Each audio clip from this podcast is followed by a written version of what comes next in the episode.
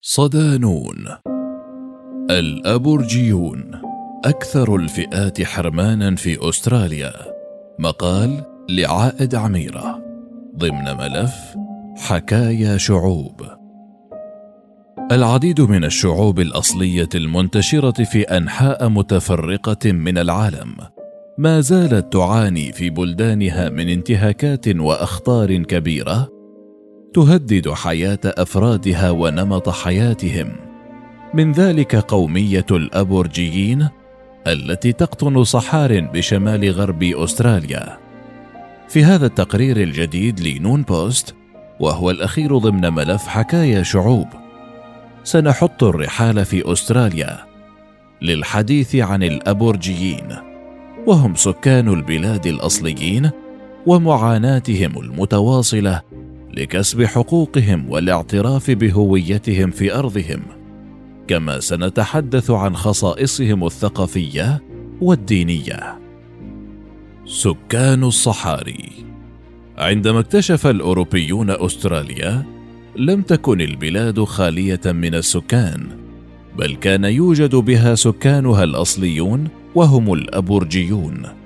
بدائيون جدا من أهل البشرة الداكنة حفاة عراة حياتهم تشبه حياة البشر بالعصر الحجري تماما.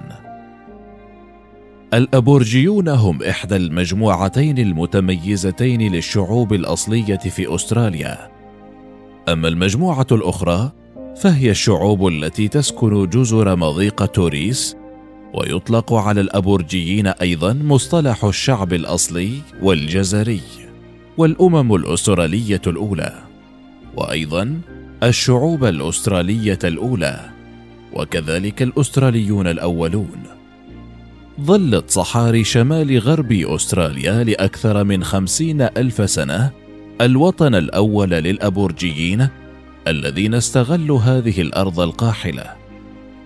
للمحافظة على واحدة من أقدم الحضارات والثقافات في العالم. لكن ما زال تاريخ وصول هؤلاء إلى القارة والجزر المجاورة محل جدل بين الباحثين. يعتقد عموما أن السكان الأصليين الأستراليين جاءوا في الأصل من آسيا عبر جنوب شرق آسيا ماليزيا وسنغافورة وبروناي وتيمور الشرقية وإندونيسيا والفلبين. وكانوا في أستراليا لمدة بين خمسة وأربعين ألفا وخمسين ألف سنة على الأقل. فيما يقول بعض العلماء إن البشر الأوائل وصلوا في وقت أقرب بكثير ربما في وقت مبكر من خمسة وستين ألفا إلى ثمانين ألف سنة. وتقول بعض الدراسات التاريخية إن هؤلاء المهاجرين الأوائل أنفسهم الذين قدموا إلى أستراليا عبر البحر.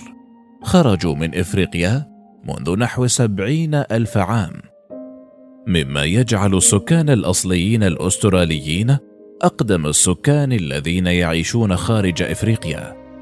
تكيف الأبورجيون بنجاح مع مجموعة كبيرة من الظروف البيئية والمناخية من الغابات المطيرة المعتدلة والاستوائية. إلى الصحاري القاحلة للغاية في أستراليا إلى المناطق النهرية والساحلية الخصبة حيث استغلوا القارة بأكملها.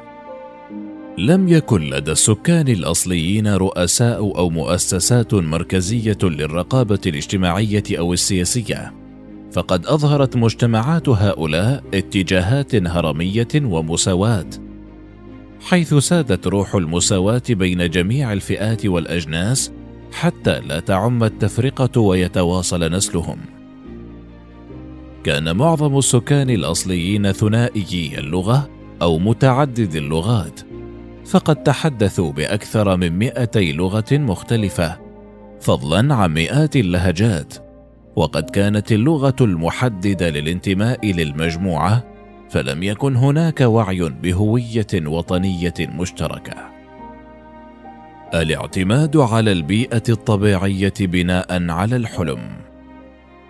وفقا لكتب التاريخ والدراسات كان السكان الأصليون من الصيادين والجامعين لثمار الأشجار المنتشرة هناك فهم لم يزرعوا أي محاصيل ولم يربوا الحيوانات باستثناء كلب الدانجو. لذلك كانوا يعتمدون بشكل مباشر على بيئتهم الطبيعية. على الرغم من أنهم بدو كان لديهم شعور قوي جدا بالارتباط بالمواقع والمناطق في أرضهم الأصلية حيث كانوا يعملون على تحقيق التوازن بين السكان والموارد حتى لا يتضرر أحدهما لا الطبيعة ولا هم.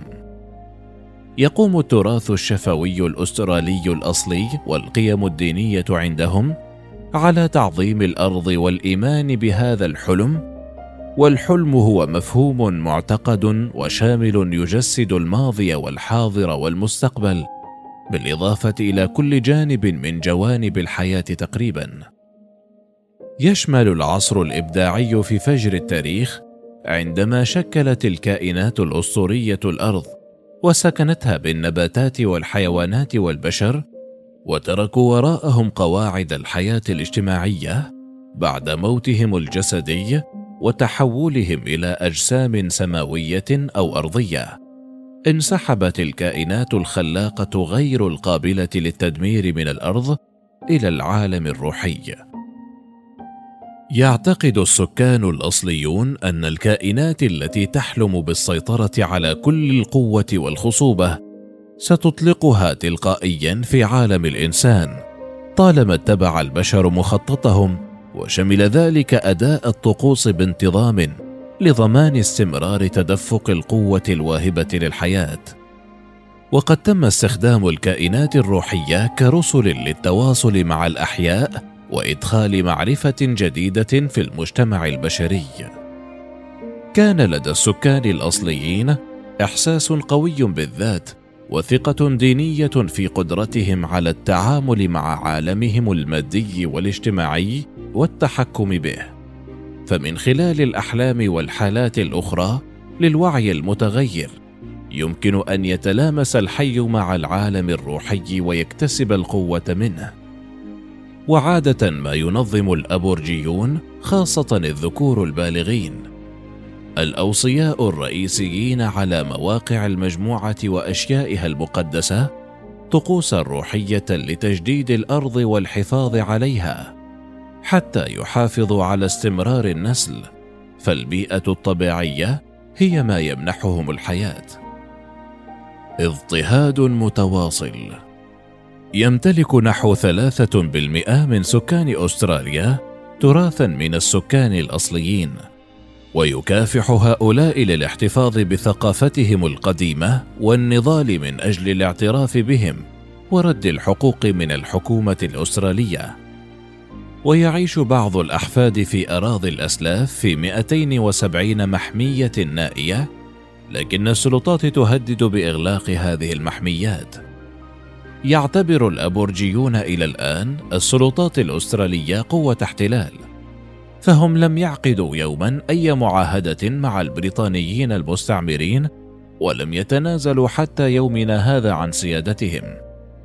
ومع مرور قرنين على الاستعمار واستعباد الأبورجيين طوال هذا الزمن المديد بات هؤلاء يبحثون عن حقوقهم في الدولة التي أجبروا على العيش تحت سيادتها وعن الاعتراف بهم لا سيما في الدستور. سلب المستعمرون الأوائل أرض السكان الأصليين وحاولوا القضاء على ثقافتهم وحضارتهم فبمجرد أن وطئت أقدام الأوروبيين أرض أستراليا باشروا بإقامة المستعمرات والاستيلاء على الأراضي الخصبة وزحفوا على كل شيء وأحرقوا الغابات وعمدوا إلى إجلاء الأبورجيين عن أراضيهم قسرا. هذه الانتهاكات تواصلت إلى الآن وبينما يشكل الأستراليون الأصليون ثلاثة بالمئة من السكان فإنهم يمثلون أكثر من ربع السجناء البالغين. كما أن أكثر من نصف الأطفال المحكوم عليهم في أستراليا من السكان الأصليين. وتفيد بعض الدراسات أن الصبي المراهق من السكان الأصليين يذهب إلى السجن أكثر من الذهاب إلى الجامعة. ليس هذا فقط فقد سجلت سجون أستراليا ومراكز الاعتقال موت العديد من السكان الأصليين فيها. وفي سنة 1987 وجدت لجنة الدفاع عن حقوق السود أن أحد السكان الأصليين يموت في الحجز كل أحد عشر يوما. ورغم العديد من التحقيقات في هذه القضية لا يوجد إلى الآن سجل واضح في هذا الشأن. في العقود الثلاث الماضية مات أكثر من أربعمائة من السكان الأصليين في الحجز. سواء كانوا محتجزين في السجون أم رهن الاعتقال من الشرطة رغم النتائج والتوصيات الصادرة عن تحقيق وطني في عام 1991 وتوفي العديد في ظروف مريبة بعضها بسبب الإهمال أو نقص المساعدة الطبية. ولم تتم إدانة أي شخص في أي من تلك الوفيات. الأجيال المسروقة.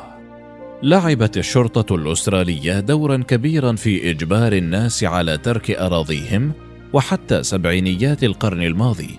شاركت الشرطة في إخراج أعداد ضخمة من أطفال السكان الأصليين من منازلهم لتتبناهم أسر بيضاء أو وضعهم في مؤسسات حكومية. الإبعاد القسري لأطفال السكان الأصليين عن أسرهم جاء نتيجة لسياسات الاستيعاب الحكومية المختلفة التي فرضت دونية السود وتفوق البيض، وقد كان الهدف من هذه السياسات السماح للسكان الأصليين بالموت من خلال عملية الإقصاء الطبيعي أو الاندماج في المجتمع الأبيض. تعرف أجيال الأطفال الذين تم ترحيلهم من منازلهم وعائلاتهم باسم الأجيال المسروقة ولا يزال إرث الصدمة والخسارة يطارد العديد من عائلات السكان الأصليين حتى اليوم وهو ما يذكرهم بإرث الاستعمار البشع. على هامش السياسة في مايو 2019 تم اختيار النائب المحافظ البالغ من العمر 67 عاما كين وايت ليكون وزير أستراليا لشؤون السكان الأصلية وهو أول شخص من السكان الأصليين يتولى هذا المنصب. وبالتالي أول أسترالي أصلي يجلس في مجلس الوزراء. يذكر أنه في عام عشرة وألفين أصبح وايت أول رجل من السكان الأصليين يتم انتخابه لمجلس النواب وفاز بمقعد في غرب أستراليا وقد أصبح فيما بعد وزيرا لرعاية المسنين وصحة السكان الأصليين. وهو منصب وزاري خارجي ما يعني أنه لم يكن عضوا في مجلس الوزراء. يؤكد هذا الأمر أن سكان البلاد الأصليين ظلوا عن عمد على هامش السياسة لفترة طويلة. حتى إنهم لم يحصلوا حتى عام 1962 على حق التصويت في الانتخابات الفيدرالية. ويوجد عدد قليل جدا منهم في البرلمان الفيدرالي. في سنة 17 والفين رفض رئيس الوزراء آنذاك مالكولم تورمبول اقتراحا بإنشاء هيئة تمثيلية لسكان أستراليا الأصليين في البرلمان تعرف باسم صوت البرلمان.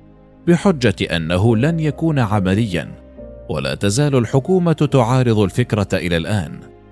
ليس هذا فقط بل يعاني سكان البلاد الأصليون من مستويات غير متكافئة من عدم المساواة في العديد من التدابير.